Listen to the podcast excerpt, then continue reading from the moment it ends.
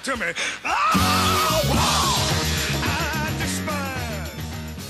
Uwielbiam zapach podcastu o poranku. Konrad Korkosiński, I Piotr Maszorek. a to jest ten podcast filmowy. Szeregowiec Ryan. Dunkierka, Pluton. Przełęcz Ocalonych, Helikopter w ogniu. Łowca Jeleni, Ścieżki chwały. Full Metal Jacket, Grobowiec świetlików. Bękarty Wojny, Szopy w natarciu. Wróku Bram, Mali żołnierze. Imperium Słońca. Operacja Słoń. I 1917, czyli... Film Sama Mendesa, który teraz w piątek miał premierę w polskich kinach. A zanim przejdziemy do omówienia tego filmu, a jest co omawiać, chcielibyśmy przez moment skupić się nad kinem wojennym. Ponieważ jak się okazuje, to nie jest taka łatwa sprawa z tym gatunkiem. Konrad, gdybym ci powiedział, zabieram cię na kino wojenne, to czego będziesz się spodziewał? Wybuchów, Wybuchów, czego jeszcze? scen batalistycznych. Mhm, mhm.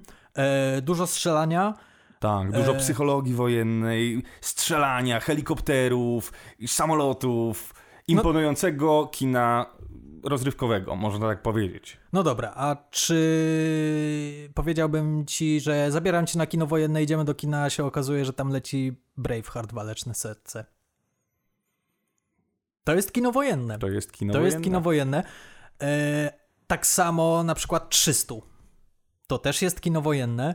E, Władca Pierścieni, tak samo można by powiedzieć, że jest to kino wojenne. Oczywiście jest to miszmasz gatunkowy, ponieważ to jest i fantazy, ale jest to film o wojnie, o niszczycielskiej sile wojny. Zresztą Tolkien był zainspirowany wydarzeniami I wojny światowej w trakcie pisania. Czyli jak najlepiej zebrać ten gatunek, żeby, żeby sobie go określić. Czy są jakieś charakterystyczne elementy, które pomogą nam rozgraniczyć filmy typu Szeregowiec Ryan od filmów typu Władca Pierścieni? Myślę, że dobrym wyznacznikiem będzie to, ile innych gatunków jest w kinie wojennym. To znaczy, na przykład w Szeregowcu Rajanie nie mamy żadnego wątku romansowego. Mamy stricte skupienie się, to jest konflikt, to są żołnierze, oni mają misję do wykonania i nie ma żadnych tam dodatkowych elementów wykraczających poza y, bohaterów, którzy są w tym. Jakiejś takiej waty dodatkowej. Dokładnie. Ale jeśli na przykład mielibyśmy taki film jak dwa lata temu chyba był taki horror wojenny, pamiętasz? Operacja Overlord. Właśnie. No to wtedy ciężko to nazwać stricte kinem wojennym, ponieważ bardziej jest to horror. Tak samo Władca Pierścieni bardziej jest to kino fantasy niż kino wojenne. Braveheart jest to bardziej widowisko historyczne niż kino wojenne. 300 bardziej ekranizacja komiksu. Z połączeniem kina historycznego. Dokładnie. W kinie gatunkowym możesz bardzo wiele historii z różnych gatunków opowiedzieć. Możesz mieć film animowany, wojenny, tak jak na przykład y, Szopę w natarciu. Czy Grobowiec Świetlików. Tak, zresztą świetny, rewelacyjny film, bardzo polecamy. Możemy mieć romans. Tak jak Pearl Harbor. Oczywiście, najlepszy film wojenny ever, Czy, ale czy chociażby właśnie Hacksaw Ridge. albo na przykład Pokuta. To jest film, który jest Stricte wychodzi, wy, wywodzi się z romansu. Tak, jest melodramatem, w, dopiero ale- w kino wojenne. dokładnie, ale jest tam bardzo dużo świetnych wojennych scen. Czyli tak stricte kina wojennego, wojennego w, w, tym, w tej formie, w której ty mówisz, nie ma tak dużo. No ale na przykład tak samo takim czystym kinem wojennym jest też Dunkierka, Tak, absolutnie. które jest całkowicie ogołocone z jakichkolwiek dodatkowych wątków, łącznie z przeszłością bohaterów. Co często jednak w kinie wojennym się pojawia, ponieważ bardzo ciężko jest opowiedzieć historię bez backstory y, głównych bohaterów, ponieważ nie jesteśmy w stanie się z nimi utożsamić.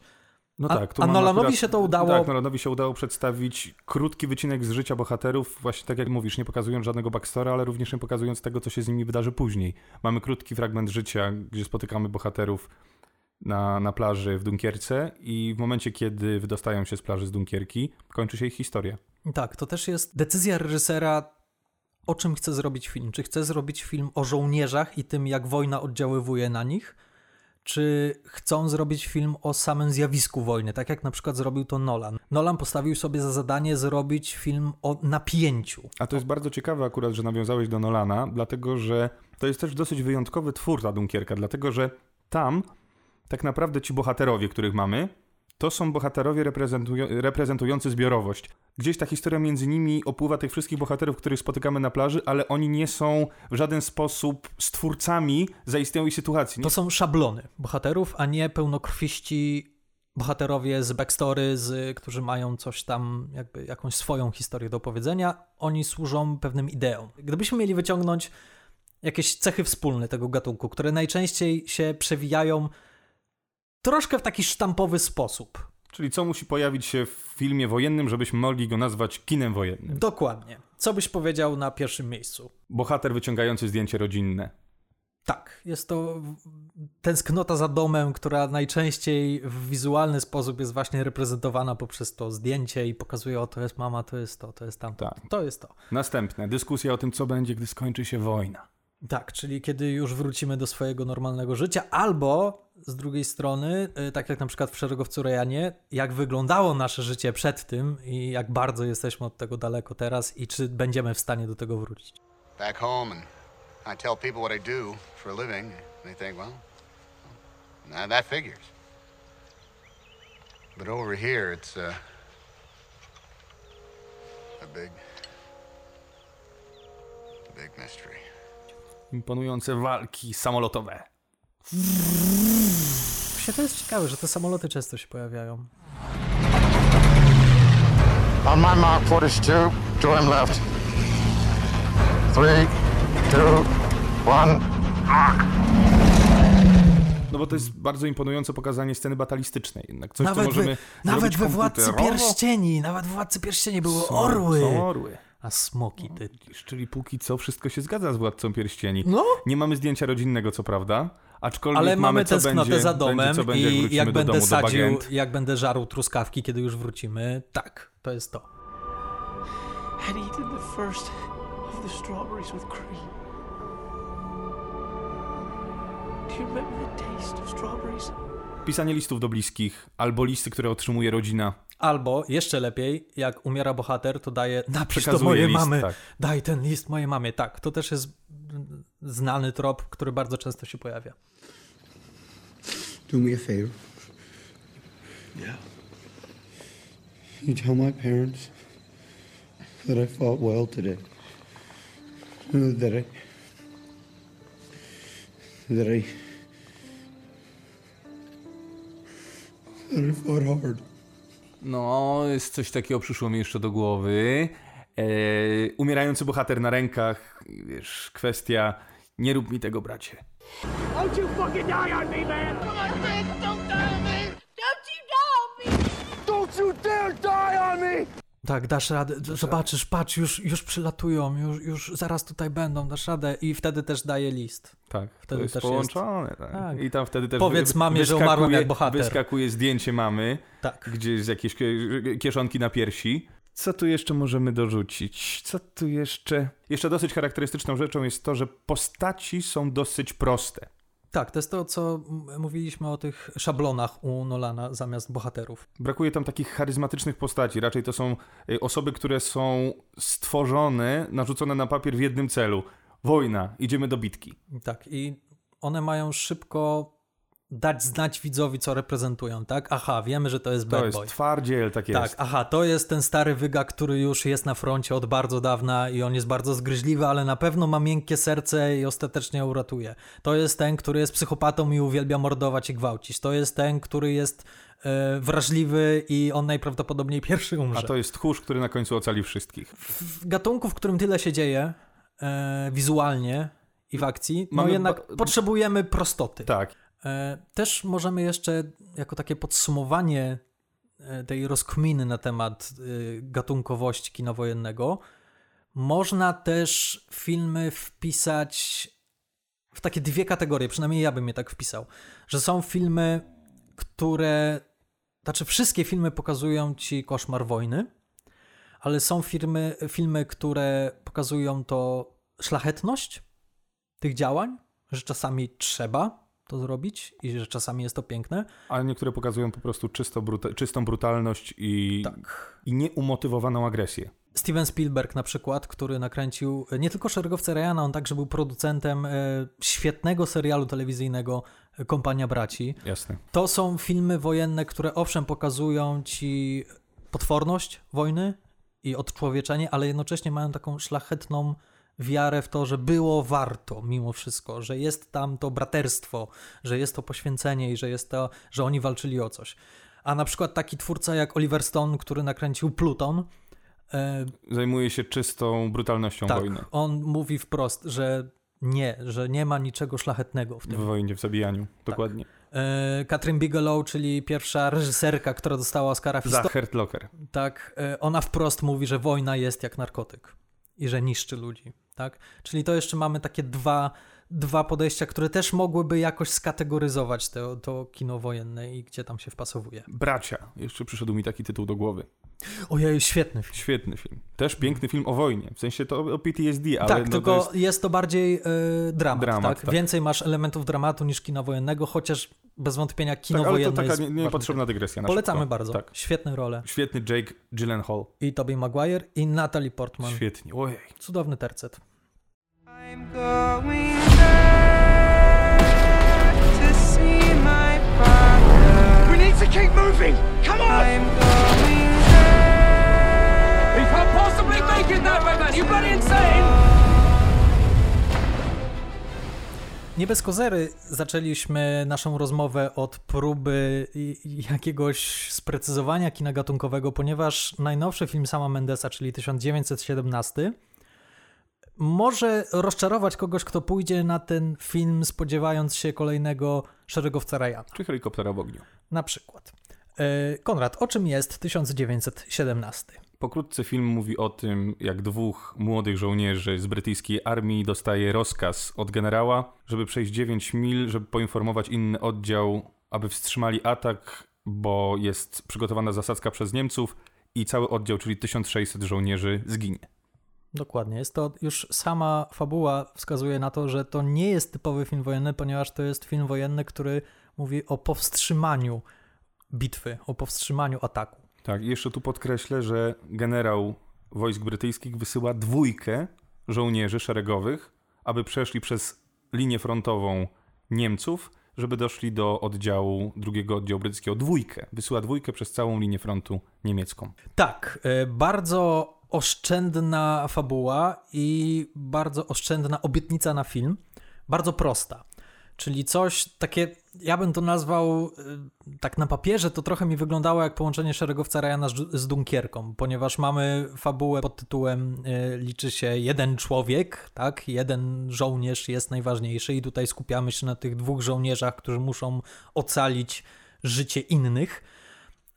I jednocześnie mamy też taki zabieg tykającej bomby, ja to nazywam, czyli że coś się wydarzy za te 8 godzin i trzeba temu zapobiec, bo inaczej skończy się świat. I tutaj warto od razu wspomnieć, y, że ta bardzo prosta fabuła, bardzo prosta obietnica tego filmu, nieskomplikowana, jest taka, ponieważ nie to w tym filmie jest najważniejsze. Takim chwytem, który w kampanii marketingowej tego filmu jest bardzo często wyciągany na pierwszy plan, to jest to, że ten film jest nakręcony.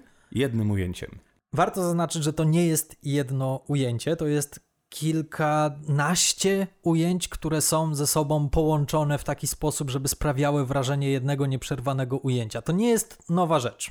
Tak, to jest technika, która już była zapoczątkowana przez Alfreda Hitchcocka w filmie Sznur, Tak. w którym kamera chowa się za jakimś e, obiektem, typu budynek, drzewo i tam jest ucinany, e, ucinany kadr i potem ten kadr, to ujęcie jest dalej od tego samego miejsca, potem ruszane dalej i na montażu się to jakoś dobrze, dobrze lepi, żeby wyglądało na jedno ujęcie. Tak, A to jest technika z, uwaga, 1948 roku. Tak, i w 1948 roku te cięcia ukryte, no nie najlepiej, jeśli obejrzymy ten film, wyraźnie widać, w którym momencie jest cięcie.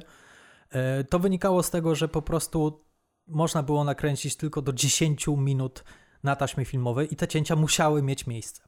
Oczywiście teraz żyjemy w dobie cyfrowych kamer, w których już można śmiało nakręcić film e, w, dwu, w dwugodzinnym ujęciu i faktycznie takie próby już były, niektóre całkiem udane. W 2015 roku w Niemczech powstał film pod tytułem Victoria, który został nakręcony faktycznie w jednym nieprzerwanym ujęciu i ten film kręcili od 4.30 do 7 rano, aby załapać się na tak zwany magic hour, czyli ten moment, w którym wschodzi słońce i światło ma bardzo, bardzo dużą, piękną, fotogeniczną wartość. Swoją drogą, jak film wyjdzie na Blu-ray, to warto byłoby policzyć, ile tych ujęć jest.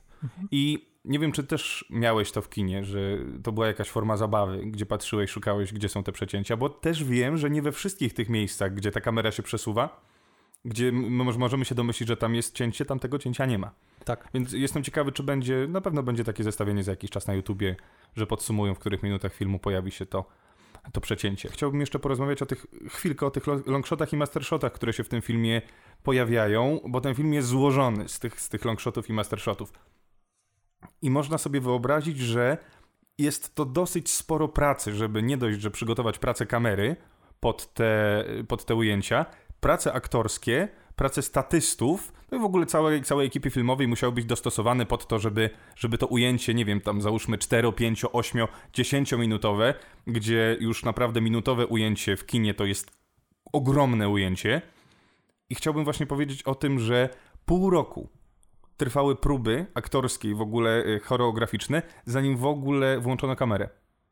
Tak, to jest y, na YouTubie można obejrzeć bardzo wiele materiałów z planu, z których y, możecie dowiedzieć się wielu interesujących rzeczy. Na przykład tego, że scenografia była budowana pod ujęcia.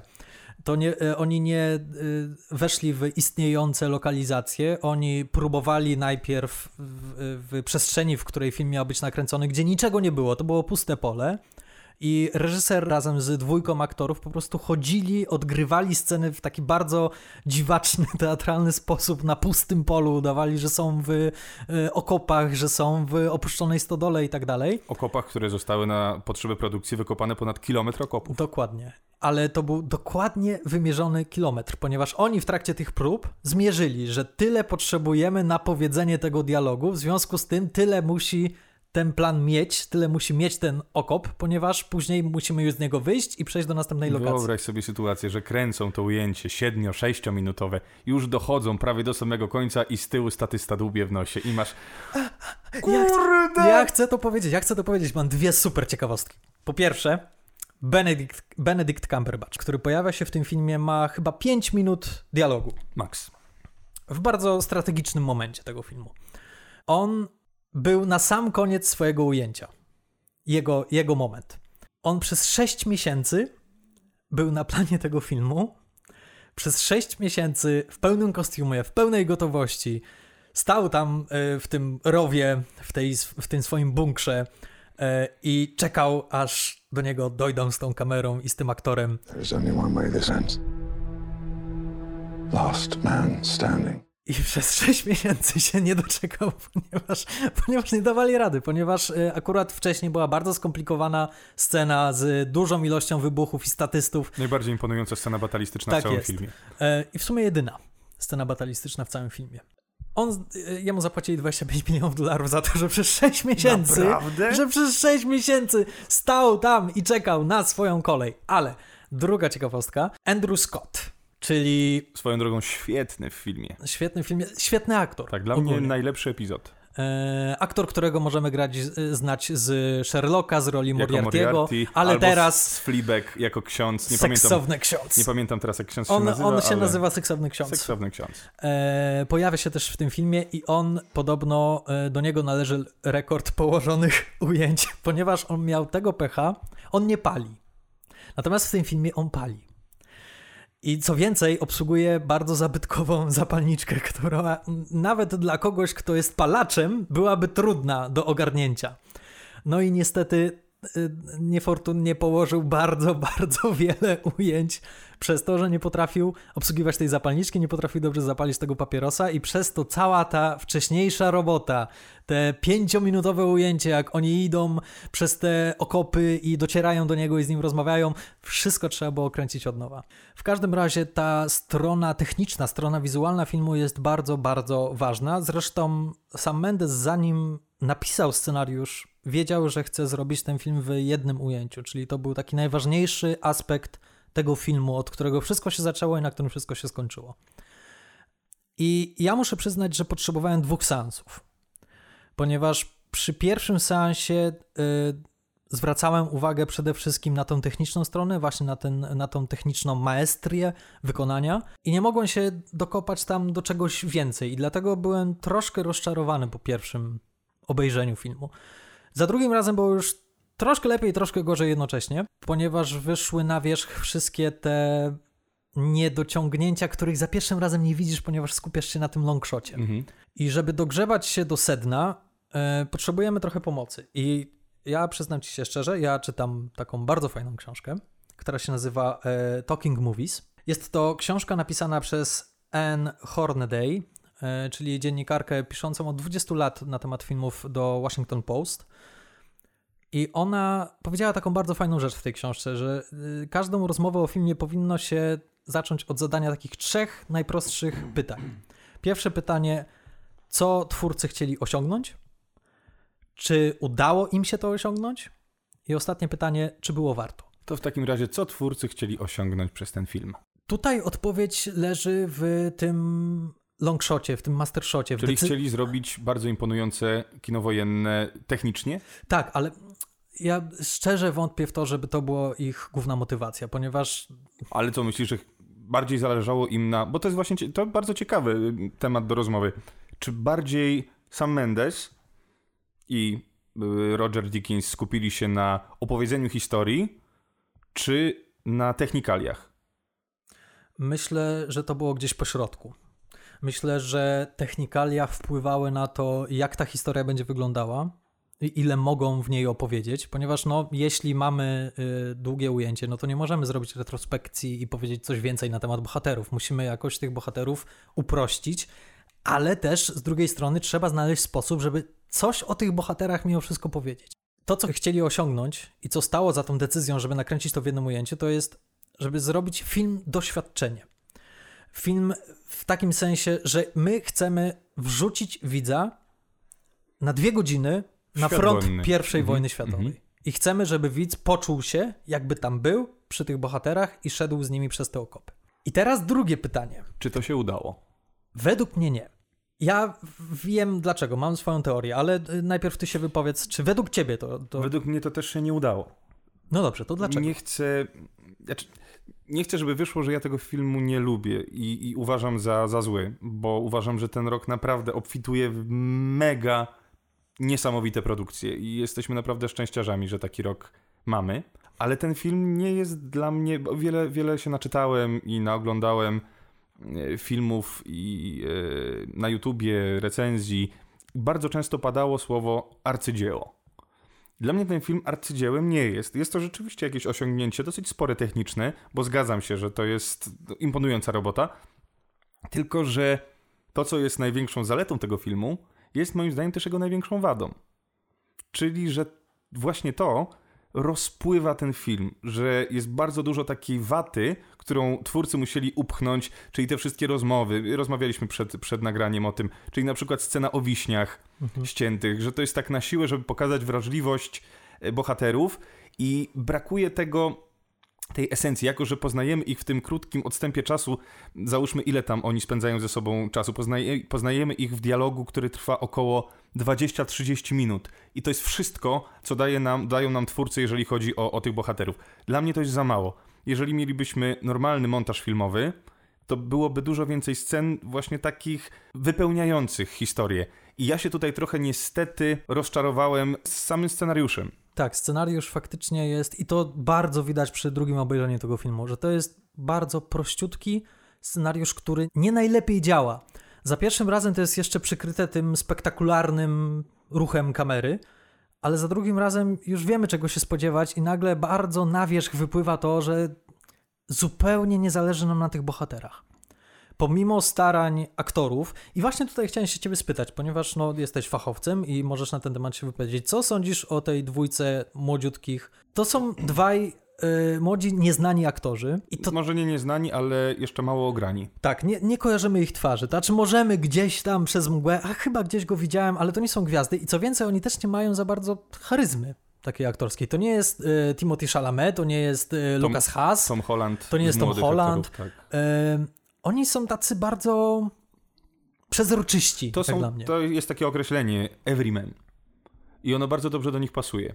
Że to, jest, to może być każdy. W sensie to jest żołnierz, który rzeczywiście mogli, moglibyśmy spotkać takiego człowieka. Czyli to jest to samo co u Nolana. Czyli mamy po prostu kliszę, która niesie historię. I no tylko teraz pytanie, czy taki film dwugodzinny jest w stanie być uciągnięty przez chłopaków nie jakoś bardzo charyzmatycznych?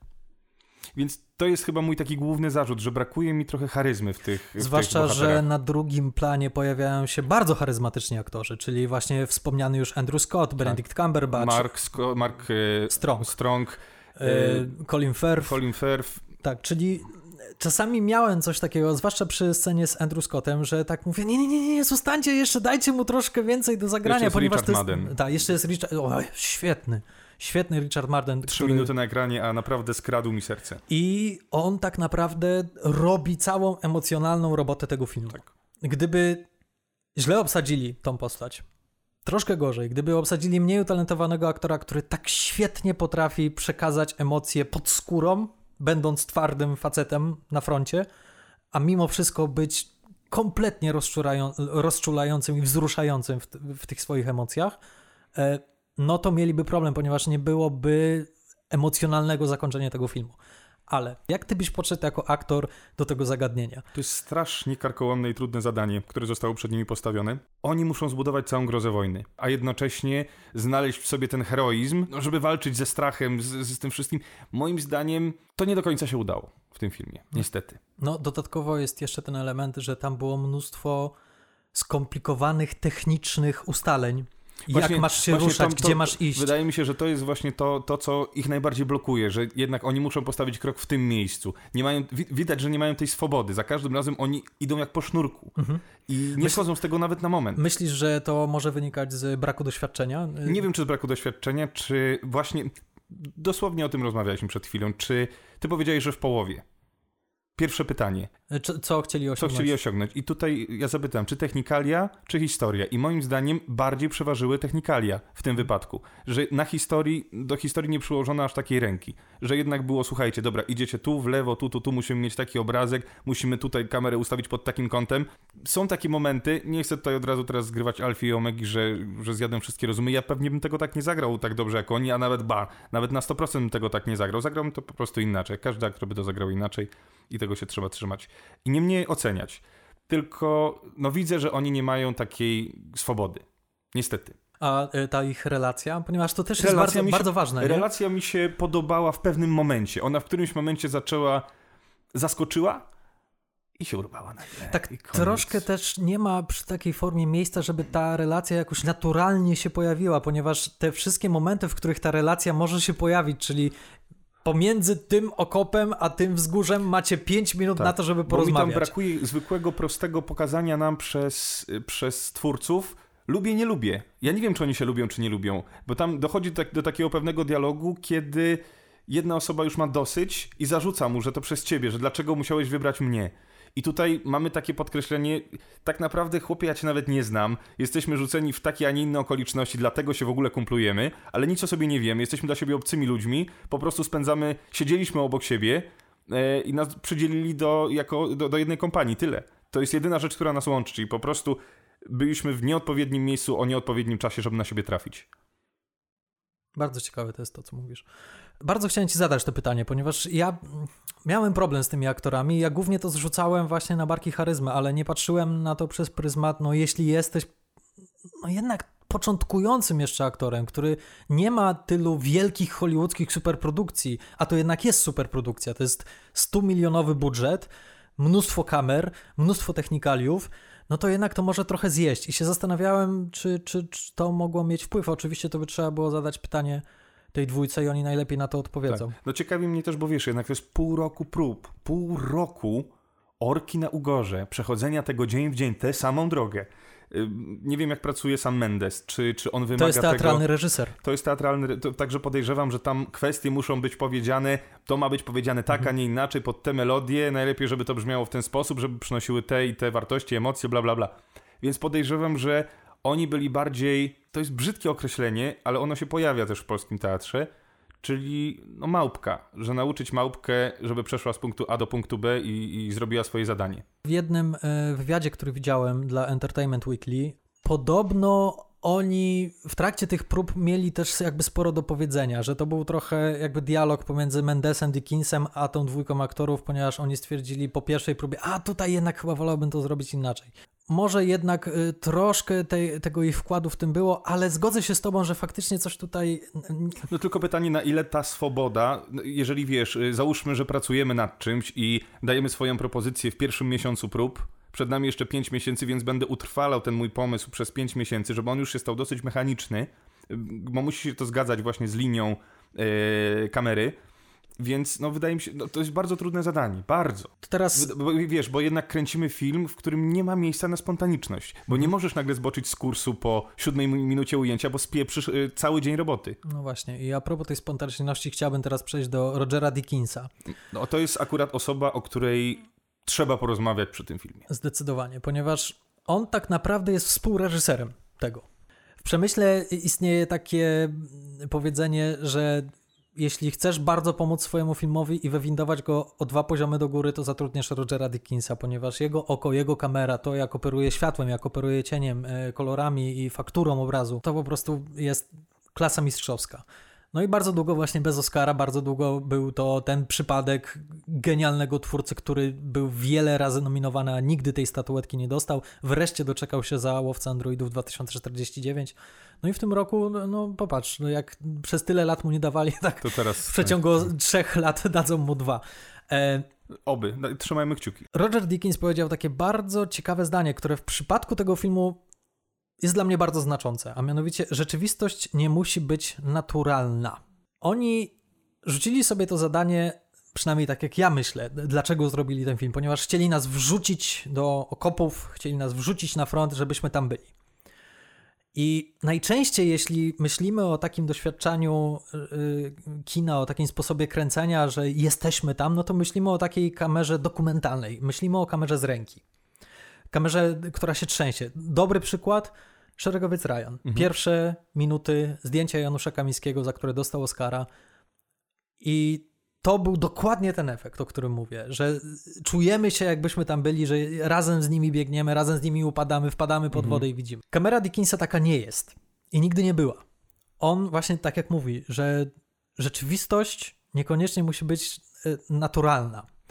Jego kamera jest piękna. Jego kamera jest, e, ma, płynie przez ten film. To jest bardzo piękny, płynący ruch. Tak, tak, ona się nie zacina, rzeczywiście to, To, nie jest żołnierz, ruch, tak? To nie jest żołnierz, który biegnie i się trzęsie. To jest, y, ja bym powiedział, że to jest y, baletnica, która tańczy tam razem z tymi aktorami, tak?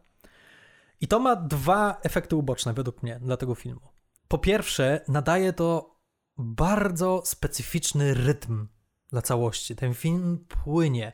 Ciężko powiedzieć, żeby ten film w którym momencie, w którymś momencie przyspieszał albo zwalniał. On cały czas ma taki jednostajny, płynący, sunący, poetycki rytm.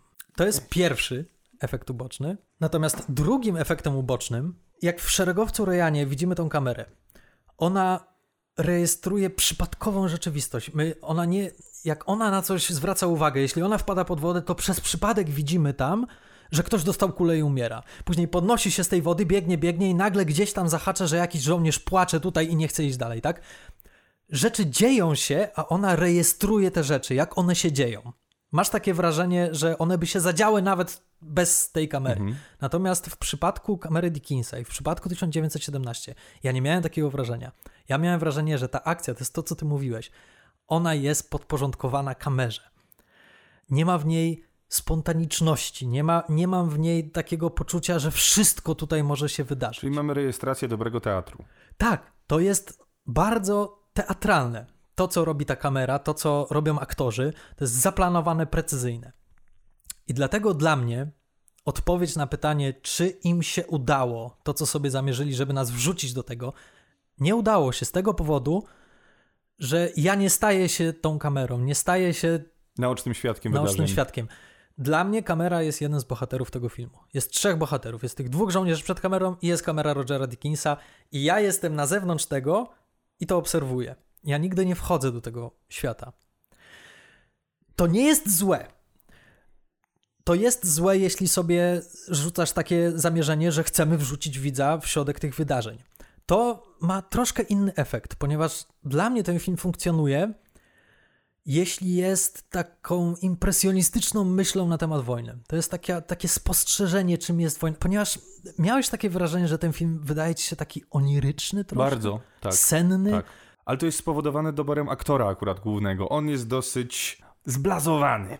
Nie zrzucałbym tego tylko i wyłącznie na niego. Ponieważ Nie no, nie, nie, nie, nie, chcesz, wiesz, zrzucić całości. to, wiesz, to także wynika z tego, że ta kamera cały czas ci płynie, że te okopy są puste, że ten świat ma- jest ma tam- opustoszały, tak, że nie masz... dynamiki. Jedna z najpiękniejszych sekwencji w tym filmie i według mnie jedna, jedna z najpiękniejszych scen, jakie Roger Dickens nakręcił, czyli scena w, y, w mieście w nocy. To jest też ciekawostka. Była opracowana cała choreografia flar, żeby były puszczane pod odpowiednim kątem, żeby cienie idealnie wytyczały drogę bohaterowi. No tak. I to jest bardzo oniryczne, to jest bardzo jak z jakiegoś koszmaru.